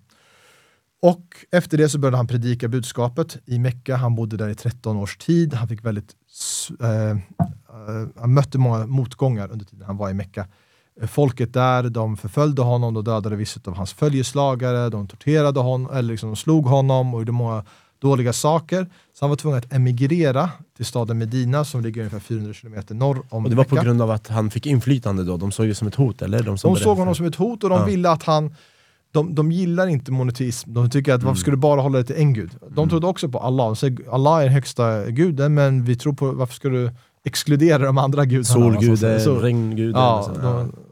de, så de trodde på olika gudar. Ja. Och det ledde honom till att han behövde, var tvungen att emigrera och när han emigrerade till, till Medina så etablerade han också en stat. Eh, så hade en stat i Medina som, alltså den arabiska halvön på den tiden, folk levde i små samhällen enligt sina klaner och de här klanerna brukade råka i luven på varandra som man säger. Alltså, de brukade kriga mot varandra. Vissa krig pågick under hundra års tid mellan klanerna. Alltså det är så generation efter generation efter Mm. generation som bara bråkar. Det var väldigt osäkert att ta sig runt i den, på den arabiska halvön under den här tiden. Skulle du åka från ett ställe till ett annat så fanns det vägrånare, det fanns folk som kunde hoppa på dig, du var, du var i krig med den här klanen, du kunde bli påhoppad och så vidare. Så det han gjorde var att han etablerade sin stat i Medina, men sen expanderade han den också, så att för första gången så blev araberna på den tiden enade under en fana. Mm. Tidigare så var de, de levde på, i liksom olika småsamhällen eller ute i öknen på olika ställen till att de nu, det, liksom blev, eh, det blev fred inuti själva, eh, på den arabiska halvön. Eh, Kriminaliteten upphör, hö- upphörde. Man var inte rädd att åka från ställe till ställe utan folk var enade på en och samma sak. Och på det sättet så blev det, när han dog så var hela den arabiska halvön som är fyra, fem gånger större än, än Sverige, Mm. eh, var, blev muslimskt Mm. under, under inte bara liksom religionen islam utan även staten som han etablerade på den tiden. Okej, men när han, eh, när han etablerade, etablerade den här staten i Medina, togs han emot välvilligt av Medinas befolkning eller var det något slag där som, som han fick? Eh, det, det började med att han försökte, det förekom pilgrimsfärden till Mecka redan på den tiden, Mm. när, alltså, när de var politister i, i Mecka. Så folk från olika delar av den arabiska halvön brukade komma till Mecka för att utföra den här pilgrimsfärden. Och då träffade han folk från olika ställen och han brukade säga till dem, vem kan ta emot mig så att jag ska kunna förmedla mitt budskap därifrån?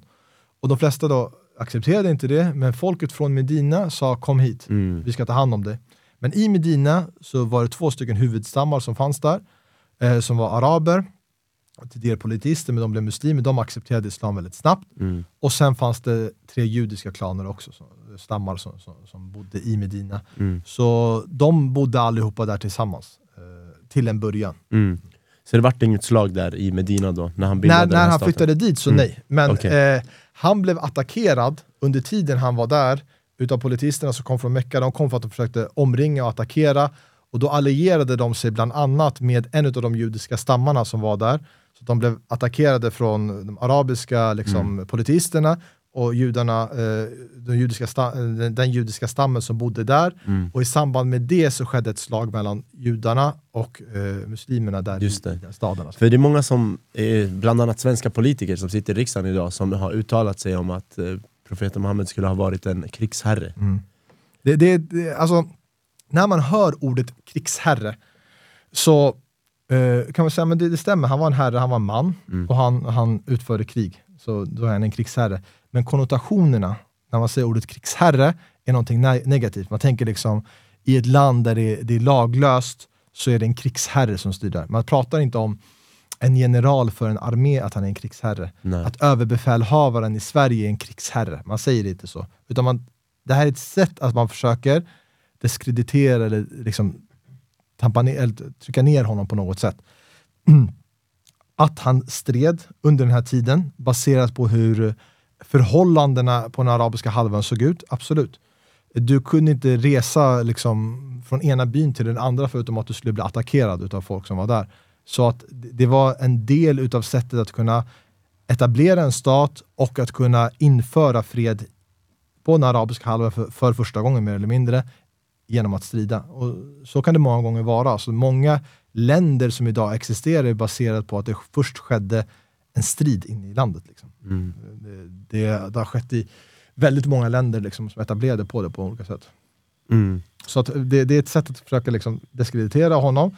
Men han var en eh, statsman, han, han styrde en stat. En stat som var liksom lika stor som Sverige, Danmark, Finland, eh, Norge tillsammans. Liksom. Mm. Så, så det är ett sätt man bara vill nedvärdera? Eh, Så att man vill nedvärdera och också få islam att framstå som en krigisk religion. Man säger Mm. att kristendomen så är det inte krigiskt, men islam är en krigisk religion. Eh, om man läser bibeln, gamla testamentet, så är den full utav krig.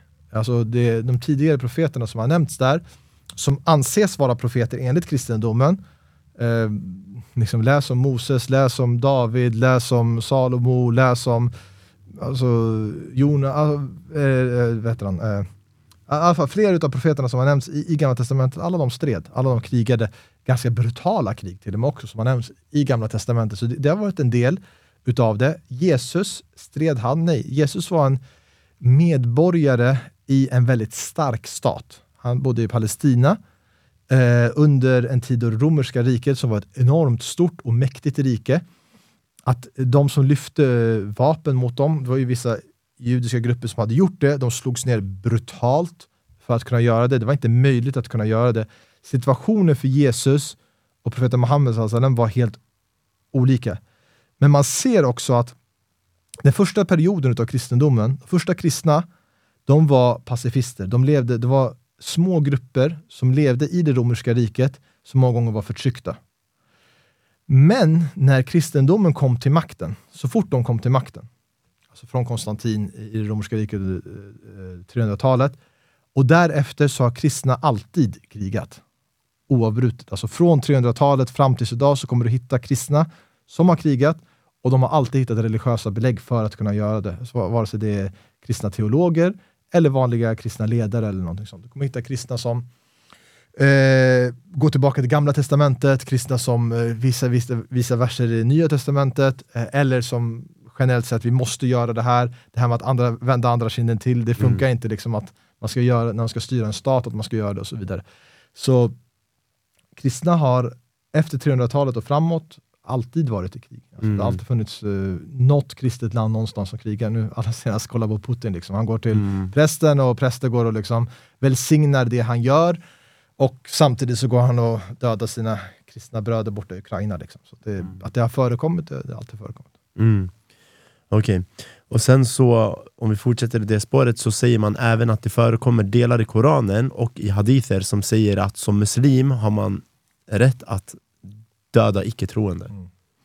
Alltså, ett problem det är att man läser en text, särskilt religiösa texter, och man tittar inte på kontexten överhuvudtaget.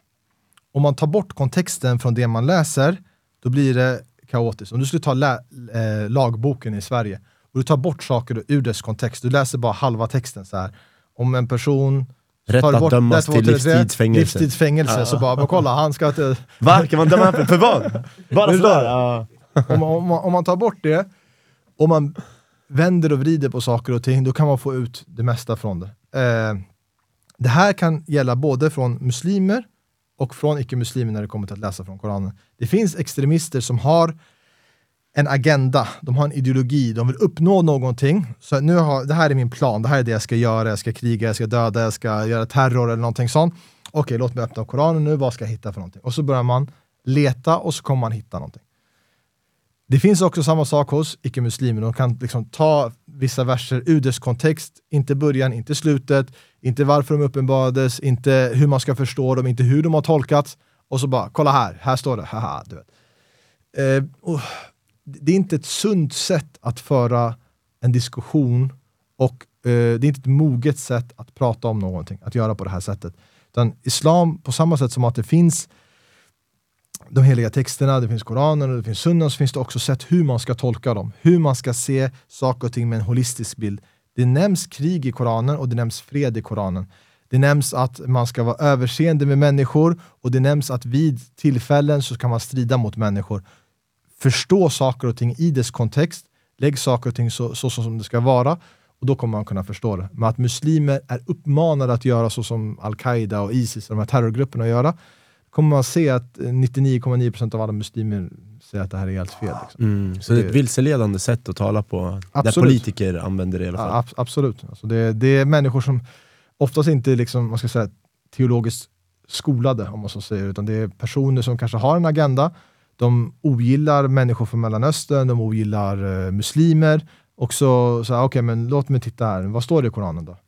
Mm. Kan man säga, och så säger de sam, kanske samtidigt att men, Sverige är baserat på judio-kristna värderingar. Okej, okay, men nu ska jag öppna Bibeln och ska jag sitta och peka på olika verser där det står att man ska inklusive döda barn, står det mm. om i Bibeln till exempel. Vissa verser som handlar, det, det står massa olika saker. Så bara, men det, här med, det här följer inte... Okay, men mm. Låt oss ha en konstruktiv diskussion istället. Saker istället för att vilseleda och plocka saker. Och ja.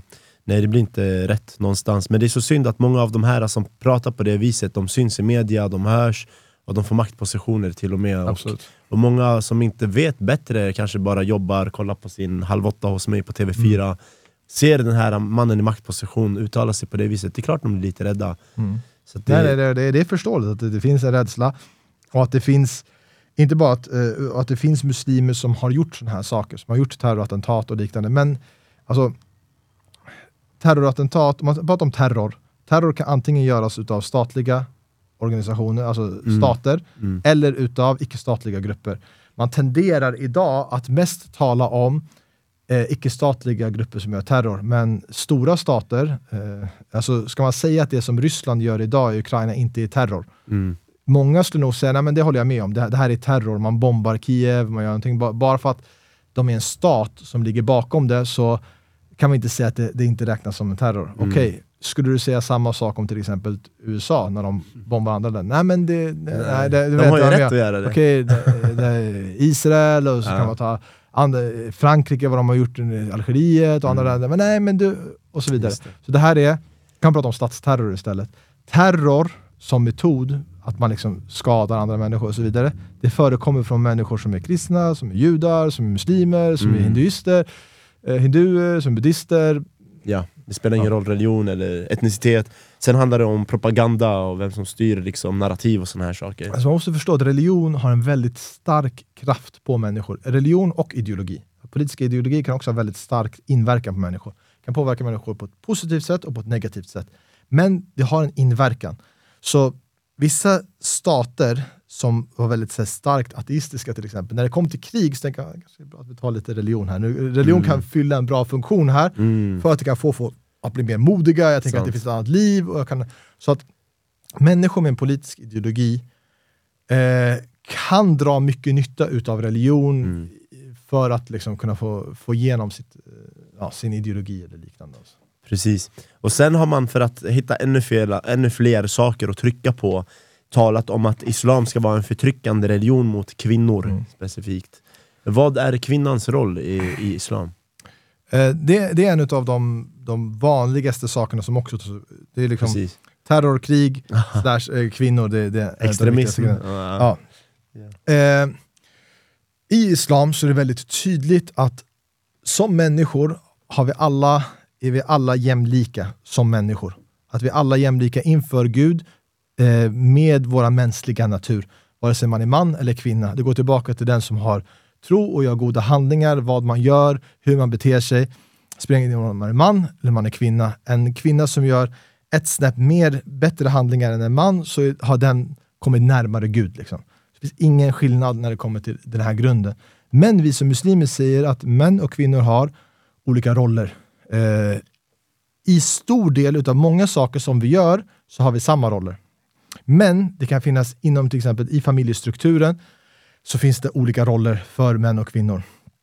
Eh, och det, de här värderingarna om hur en traditionell familj ska vara, de har i princip funnits i nästan alla samhällen på ett eller annat sätt genom alla tider. Att mannen har ett visst för, eh, ansvar när det kommer till försörjning, att ta hand om familjen och kvinnan har mer ansvar för hemmet och har ansvar för barnen och så vidare. Det betyder inte att mannen inte ska hjälpa till med barnuppfostran, det betyder inte att kvinnan inte kan hjälpa till med försörjning, men ungefär så ser strukturen ut, inte bara bland muslimer, utan bland eh, traditionella judar, kristna, buddister, hinduister och så vidare. Det här är traditionella eh, värderingar som de flesta människorna världen över genom tiden alltid har varit överens om nu på senaste tiden, särskilt i västvärlden, så har man kört runt de här eh, Hur vågar ni ha roller? Ja, hur Ja, man ha roller? hur ska man ha roller? Ja. Och man inte bara det, utan man, man kan identifiera sig vad som man vill. Om en man vill identifiera sig som en kvinna ska man identifiera sig som en kvinna och så Helt vidare. okej. Precis, man, det, det, det, det, har blivit mycket mer flytande. Och det är egentligen det här som är annorlunda. Alltså man får det att se ut som att de traditionella eh, könsrollerna som finns i, i, i islam, som muslimer fortfarande håller fast vid, att det är annorlunda. Men tittar man på mänsklighetens historia, tittar man på världen i det stora hela, så är det det där som är standard och det här som är udda, om man ska vara ärlig. Mm. Eh, sen kan det finnas vissa saker som folk tänker så här, men okej, men varför är det så och varför är det si och varför är det så vidare. Jag, jag tror att ska man verkligen förstå eh, enstaka koncept i islam, varför det är på ett speciellt sätt, så är det viktigt att man ser en holistisk bild. Man ser liksom hel, helhetskonceptet. I islam är det väldigt viktigt med familjen. Familjen är en basstruktur. Det är viktigt att den ska bevaras och den ska vara kvar och att eh, barn ska växa upp inuti en familj med en mamma och en pappa och få en trygg uppfostran tillsammans med båda två. Det här är en viktig, väldigt stark, viktig grundvärdering. Och man ser att många saker som snurrar runt den här saken som kan leda en bort från det, som att man har samlag utanför äktenskapet, som att man är otrogen och så vidare. De vägarna stängs av i islam. Inklusive eh, till exempel om man tar med hijab, att kvinnor har hijab. Att det kan vara lock, alltså man, man täcker sig. Att män har väldigt starka lustar och drar sig till liksom att man drar sig till kvinnor, även om det är utanför äktenskapet och, och bygger upp relationer och så vidare. Det är någonting man ser hos män världen över. Eh, man ska inte ljuga för sig själv att män har väldigt starka lustar när det, när det kommer till sådana här saker. Här har män ett stort ansvar att man ska sänka blicken, att man inte ska gå springa efter kvinnor och ta, ta kontakt på dem på ett sätt som är o, liksom, olämpligt. Men att man också lagt över eh, ansvar på kvinnor när det kommer till att man ska täcka sig i islam. Och det går tillbaka till att man ska bevara familjevärderingarna, man ska bevara den här kärnfamiljen och den ska kunna finnas kvar. Så tittar man bara på den saken, okej men varför har kvinnor slöja och inte äh, männen? Om man inte ser liksom, helhetsbilden, då har man väldigt svårt att kunna förstå de här sakerna. Mm. Så det handlar inte bara om att kvinnan ska täcka sig och mannen får göra precis vad han vill? Nej, absolut inte. Utan Absolut inte. män, männen har, om, även om en man går ut och alla kvinnor runt omkring honom är helt nakna så ska mannen fortfarande inte kolla på dem. mm. Sänka det, blicken. Sänka blicken om man ska liksom, eh, eh, hålla band om sina, liksom, sina lustar. Den är svår. ja. Men ja, ja det, det, det låter rimligt ändå. För att det är som du säger, det är inte så enkelt i alla situationer att sänka blicken tyvärr. Men eh, ja. det är väl vårat sätt att skydda oss på. Okej. Eh, ska vi se. Då har vi ställt den frågan och eh, nu närmar, närmar vi oss den här politiska delen. Mm. Eh, många nämner islam som ett hot mot västvärlden. Är det ett hot?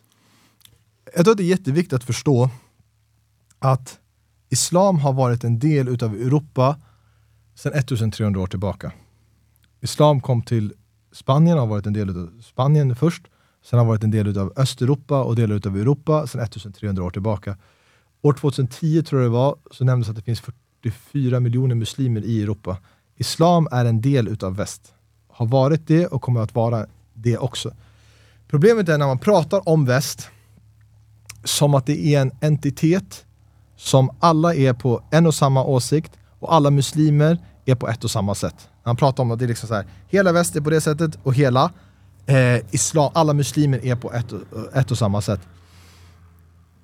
Inom väst så finns det alla möjliga olika ideologier som har kommit upp. Det finns människor som är superreligiösa, det finns människor som inte alls som är superateister, det finns människor som jättekonservativa, det finns människor som är jätteliberala, det finns kommunister, det finns nazister, det finns fascister, det finns alla möjliga olika eh, grupper.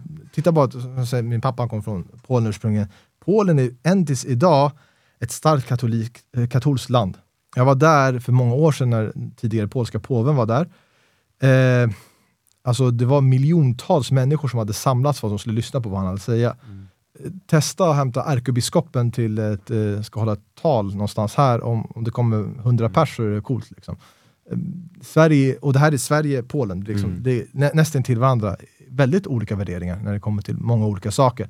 Så att prata om väst som en entitet och prata om muslimer som en entitet är problematiskt.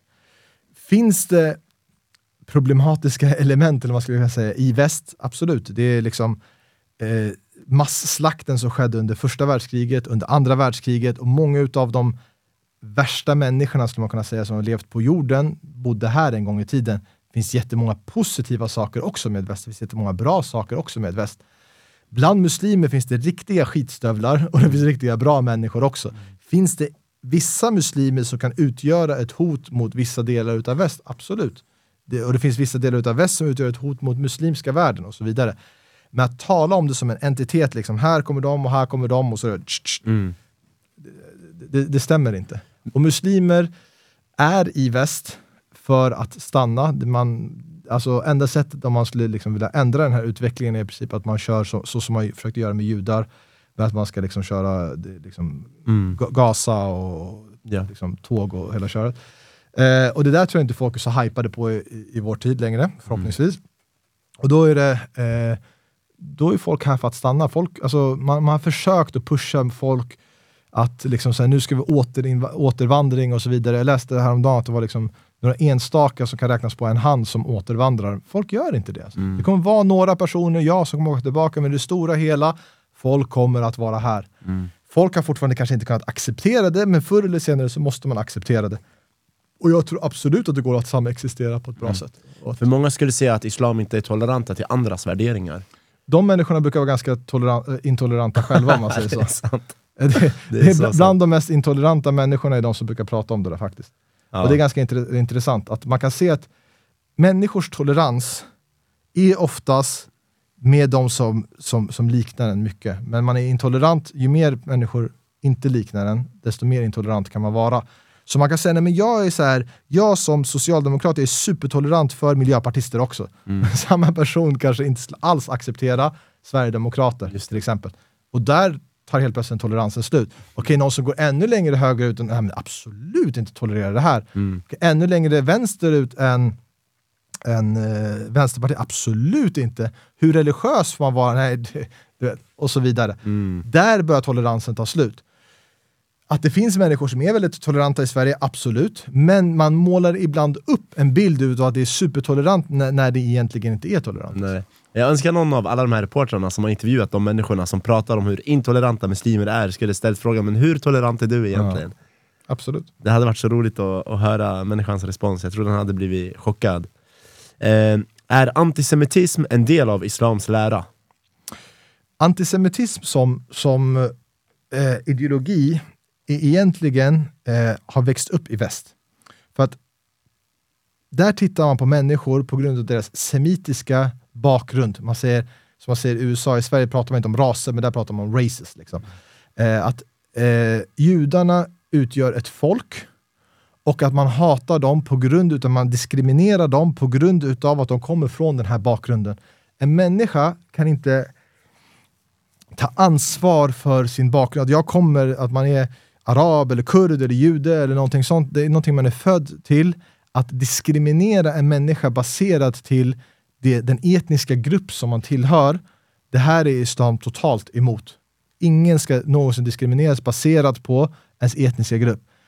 Inom islam så finns det, likt ateister brukar ha, finns det religionskritik. Islam är kritiskt inställd till, inte bara saker, vissa delar som finns inom judendomen, även det finns flera likheter mellan judendomen och islam, kritiskt till element som finns inom kristendomen, kritiskt till element som finns inom hinduismen och buddhismen och så vidare.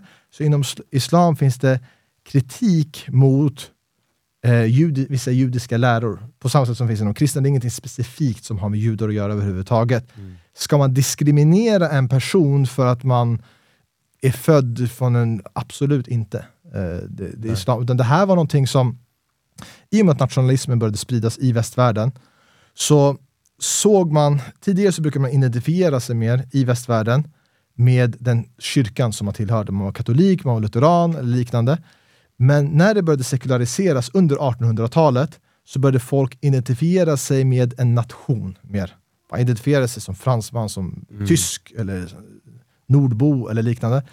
Men judar var utspridda i olika delar utav Europa. De bodde, de bodde i England, de bodde i Frankrike, de bodde i Ryssland och andra delar. De ville också ha en egen nation och det var så sionismen dök upp. Mm. Sionismen var en sekulär ideologi. Theodor Herzl, som är grundaren till sionismen, han var ateist. Han trodde inte på Gud överhuvudtaget. Mm. Så han såg jud, att han var jude som att han e- tillhörde en etnisk grupp. Och på samma sätt som på den tiden så ville eh, olika etniska grupper som bodde i Europa, de ville ha sitt eget land, de ville ha sin egen stat och de ville ha sitt eget folk. Det är liksom, Just det. så ville han ha ett eget folk.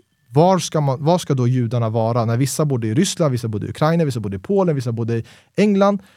Då var tanken att man ska ta dem till vad? Till, eh, till Palestina och de ska vara där. Mycket av förtrycket som skedde på den tiden, antisemitismen som skedde på den tiden, var baserad på dem som etnisk grupp. Nazismen som förekom var också baserad på judar som en etnisk grupp. Judar som hade konverterat till kristendomen förtrycktes också. Det spelade ingen roll om vad de trodde på. Ni tillhör en etnisk grupp och därför förtjänar ni att, att förtryckas. Som muslim så, jag har själv besökt eh, Auschwitz två gånger, jag har varit i Yad Vashem, eh, som ett museum om, om förintelsen. Jag anser att det här är bland de värsta brotten mot mänskligheten som någonsin har, eh, har skett och bland de vidrigaste handlingar som någonsin har skett. Och som muslim så ska man ta avstånd från allt sånt och tycka att det, det är vidrigt. Sen kan det vara vissa som breddar definitionen utav antisemitism, så även kritik utav Israels politik till exempel ska räknas som en form av antisemitism. Man liksom flaggar lite väl snabbt. Så som vissa muslimer flaggar lite väl snabbt när det kommer till islamofobi, när någon kritiserar vad vissa muslimer har gjort. Så okej, du har gjort någonting dåligt, men du är islamofob. Nej, jag är inte islamofob, jag kritiserar vad du gör. Mm. Samma sak om en muslim eller någon annan skulle kritisera vad vissa judiska personer gör utan att generalisera alla judar baserat på någonting som sker i Israel så betyder inte att man är mot judar eller Nej. liksom, liksom alla som kommer från den etniska gruppen. Mm. Okej. Ja, Pablo, vänta, det är mick. Uh, har du en mick där? Ja. Ja, Kör. ja, jag hörs nu. Ja. Ja. Vet du, vad tycker du om eh, koranbränningarna som har skett på senaste? Eh, är det hets mot folkgrupp eller är det, vet det, eh, ehm, eh, yttrandefrihet? Mm. Tack så mycket. Ehm, hur, hur ser du på det där? Alltså, jag, jag som människa generellt tycker att böcker, vilken bok den är, är till för att läsas. Man ska läsa böcker. Man ska inte Mm. ha bokbål. Det var någonting som nazisterna höll på med. De brände böcker de inte tyckte om. Så att bränna böcker, vilka böcker det än är, som en protestaktion, för mig är det en sjuk handling att man ska hålla, eller att man ska hålla på på det här sättet. När det handlar om den boken som jag håller mest kär, liksom Koranen, som är väldigt viktig för mig i mitt liv, så blir det ännu värre. Så jag ser som en religiös person att en person ställer sig och sparkar på Koranen, lägger bacon på Koranen, liksom bränner upp Koranen. Jag tycker det är en vidrig handling att göra och en hemsk handling. Jag skulle verkligen vilja se att Sverige skulle förbjuda det. Jag skulle inte bara säga att man ska förbjuda koranbränning, ska förbjuda bibelbränning, torabränning, hålla på och ha protestaktioner med att bränna andra människors böcker som de håller kära. För mig är det en sjuk handling. Och det har ingenting med yttrandefrihet att göra. Yttrandefrihet är att du ska kunna uttrycka dina egna eh, tankar, känslor, idéer, eh, kritik mot andra. Absolut, det, det, det är liksom en del av vårt samhälle att människor gör en sån här sak. Och jag tycker det är skönt att i Sverige att det finns yttrandefrihet, att det inte är som i diktator, diktaturer eh, i vissa länder där man knappt kan säga någonting om vad man tycker och tänker och känner eller någonting sånt, utan då sätts man i fängelse, eller blir man förföljd eller någonting sånt. Så att Sverige har det här, det är någonting som jag uppskattar. Men ska det inkludera att en person ska ställa sig utanför en moské på den heligaste dagen av muslimer, eh, bränna Koranen, stå i två timmar och skrika i en mikrofon, eh, samtidigt som Sverige vill gå med i NATO, eh, uphetsa på det, på det här sättet, jag tycker det är helt sjukt. Mm. Och jag tror att Sverige eh, som land, med hur den, landet ser ut nu med befolkningen, med folk som kommer från olika bakgrunder, eh, det skadar att ha en samhällsstruktur i själva landet. Och det skadar Sveriges rykte också enormt utomlands. Alltså när han stod där, det var nyhetsbyråer från hela världen som står och filmar den här killen. Det är en ensam kille som har kommit till Sverige från Irak, han kan inte ens svenska.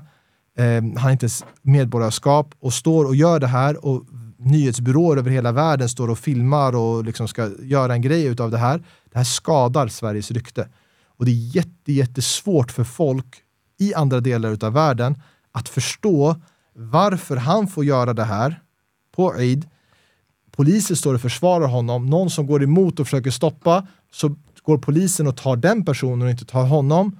Och sen går UD ut och säger vi fördömer det här, vi tycker det är dåligt. Så, men, polisen Ja. hänger inte med. Var, Och ni skyddar hans ni skyddar honom, vad, vad, vad skickar ni för Ja.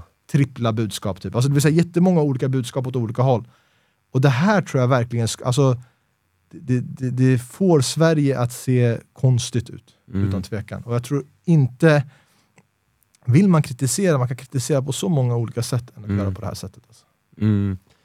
Ja, vissa kallar ju det nästan hets mot folkgrupp eh, och jag tror att de, killen som gjorde det inte var medveten om att han skulle uppröra de här människorna där och då så hade han nog inte valt att göra det, så han ville ju hetsa folket. Jo, Blir det alltså, inte nästan kan man automatiskt säga. hets? Men hets mot folkgrupp, det är, en, det är en lag som finns i Sverige. Förut hade man brott mot trosfrid i Sverige. Det finns i Finland till exempel. Mm. Där man inte ska attackera folks religioner heller. I Sverige Mm. så är det, det är väldigt eh, fokuserat på människan. Mm. Du får attackera religion och ideologi, men inte människor. I andra länder får inte attackera religioner heller.